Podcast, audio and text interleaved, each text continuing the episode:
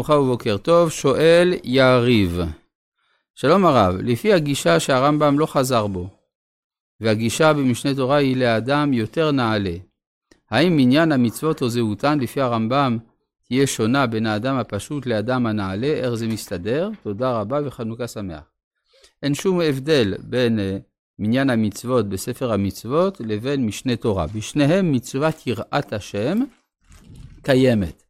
אלא שבספר המצוות היא יכולה להתקיים באופן של יראה מן העונש, ובמשנה תורה על ידי ההתבוננות בבריאה, ובשניהם מתקיימת, מתקיימת אותה המצווה של את השם אלוהיך תירא. כך שהמניין אותו מניין. ובכן, קהל קדוש, אנחנו ממשיכים בספר דברים, פרק ו', פסוק ד', שהתחלנו כבר לעסוק בו, הפסוק הוא בפרשת ואתחנן, שמע ישראל, השם אלוהינו, השם אחד.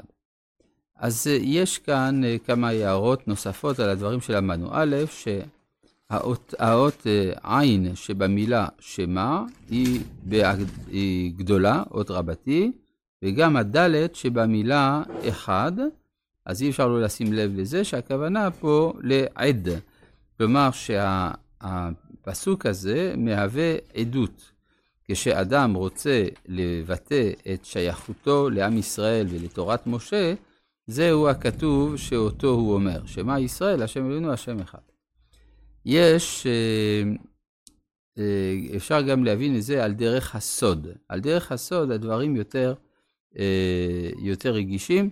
אלא הכוונה ככה, שמה ישראל, השם אלוהינו, מי זה השם אלוהינו? זה השם אחד ולא השם שהוא לא אחד.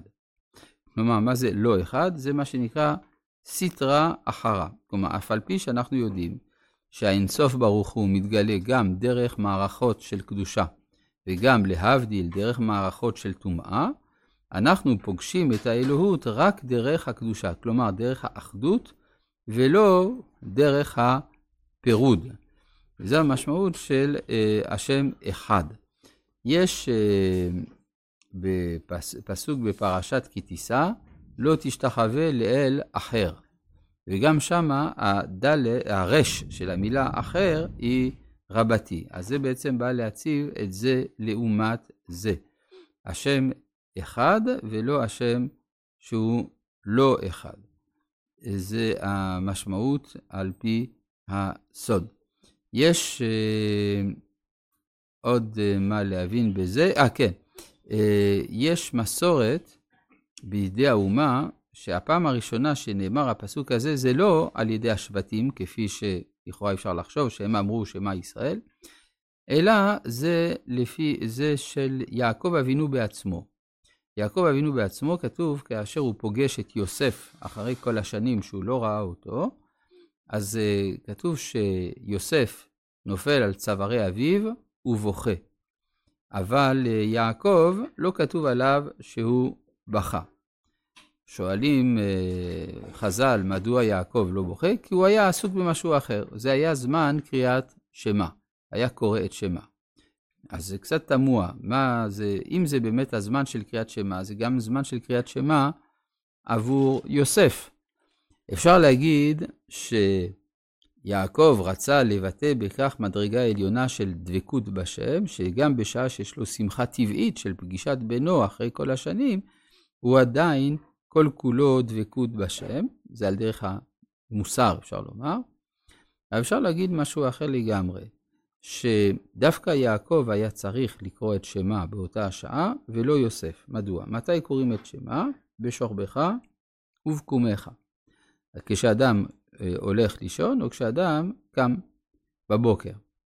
מה, מה, מה זה שני הזמנים האלה? זה זמני, אלו הם זמנים של מעבר ממציאות אחת למציאות אחרת, של אה, יום זה הקיום, הלילה זה ההיעדר, וכאשר עוברים מן הקיום אל ההיעדר ומההיעדר אל הקיום, היה אפשר לחשוב חלילה שיש שתי רשויות, ולכן זה הזמן לגלות את ייחוד השם. לפי זה גם נהגו ישראל בשעה שאדם אה, נפטר מן העולם לפני מותו, אז הוא, אה, הוא קורא את שמה. אומר שמה ישראל, השם אלוהינו השם אחד, כי הוא עובר מן החיים אל המוות. לפי זה, בקומך זה בזמן תחיית המתים. אין לך בקומך גדול מזה, ולכן בתחיית המתים גם כן צריך לומר את הפסוק הזה. אמנם זה לא מובא בסידורים, אבל אולי כדאי להדפיס סידורים לתחיית המתים, שבהם יהיה כתוב לא לשכוח לקרוא את שמה, לא משנה באיזה שעה תהיה התחייה. ואפשר לומר שעבור יעקב, הפגישה עם יוסף הייתה בבחינת תחיית המתים. הוא ראה מישהו חשב אותו למת, עכשיו הוא רואה שהוא חי. אבל אצל יוסף, הוא ידע שהוא עודנו חי, לכן אין שום צורך שיקרא את שמה. אז כך שיש לנו שמה ישראל השם אלוהינו השם אחד, קדום עוד לפני האמירה של השבטים, והפעם השלישית אצל משה, מה? ותחי רוח יעקב אביהם, זה כבר נאמר לפני כן.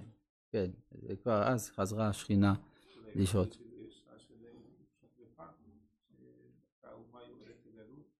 אה, אז אתה אומר, כי עמותה הפעם, אפשר להגיד, כי הרי שמה מה הוא אומר?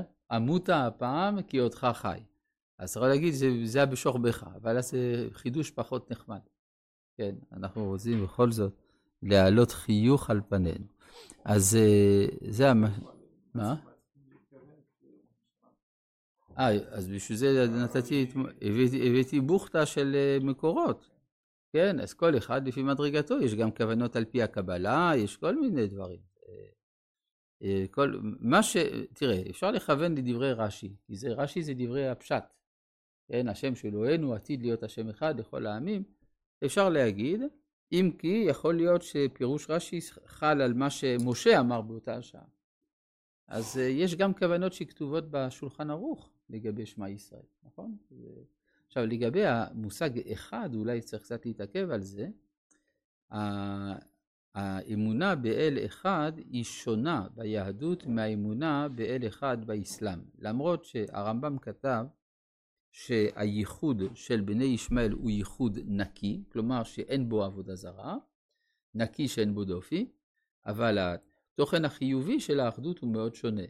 בעוד שבאסלאם האחד זה אחד לעומת אחרים, כן? כלומר רק, רק האל קיים, רק הוא, יש רק אחד שהוא אלוה, וזה בעצם המשמעות של הביטוי אללהו אכבר, שהוא גדול מכולם, לעומת היהדות שהאחדות היא מקיפה את הכל, ואתה מחיה את כולם, ומתוך כך מתברר שלכל יש משמעות. זה סוג אחר של אמונת ייחוד. כל השאר נכנע לפניו, זה כל העניין, ככה הם תופסים את זה. זאת אומרת, אפשר להגיד, אבל מערכת היחסים דה פקטו בין האלוהות לבין הנברא זה מערכת של הכנעה. זאת המשמעות גם של הביטוי אסלאם, אסלאם כניעה. כן, וגם המשמעות של ישמע אל, להישמע, לעומת שרית עם אלוהים ואנשים, זה אחד מול השני. זה פנים אל פנים. אז זה הבדל מאוד מהותי שמסביר הרבה מאוד דברים בגישה, בגישת החיים שלנו ושלהם. לכן גם כתוב בפרקי דרבי אליעזר שהמאבק האחרון באחרית הימים זה בין אמונת הייחוד של ישראל לאמונת הייחוד של ישמעאל.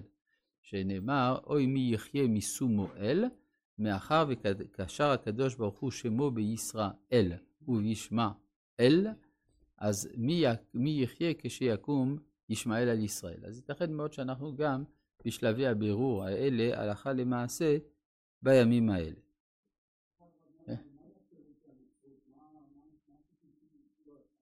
הנצרות זה משהו אחר לגמרי, הנצרות מאמינה בשילוש, כלומר, הם מדברים על שלוש ישויות אלוהיות, והם טוענים, השלוש האלה הם אחד. לכן כשאתה אומר לנוצרי שהוא לא מונותאיסט, הוא לא מבין על מה אתה מדבר. הוא אומר, אדרבה, אני מאמין באל אחד.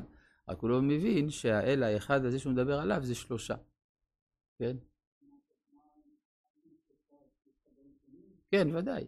האב, הבן ורוח הקודש. מבחינתם מדובר על אה, שלוש ישויות שכל אחת היא, היא האלוה. אז זה ברור שהדבר הזה איננו קביל מבחינת היהדות, שלא לדבר גם על ההגשמה, שהם אומרים על אדם שהוא אלוה, שזה קצת בעיה. אה, מבחינת היהדות רק הקדוש ברוך הוא אלוה, ולא שום נברא. כן, אז זה פה יש איזה טשטוש, ו... אבל אפשר לומר שהסוגיה של ההתמודדות עם הנצרות היא שונה מהסוגיה של ההתמודדות שלנו עם האסלאם. רבי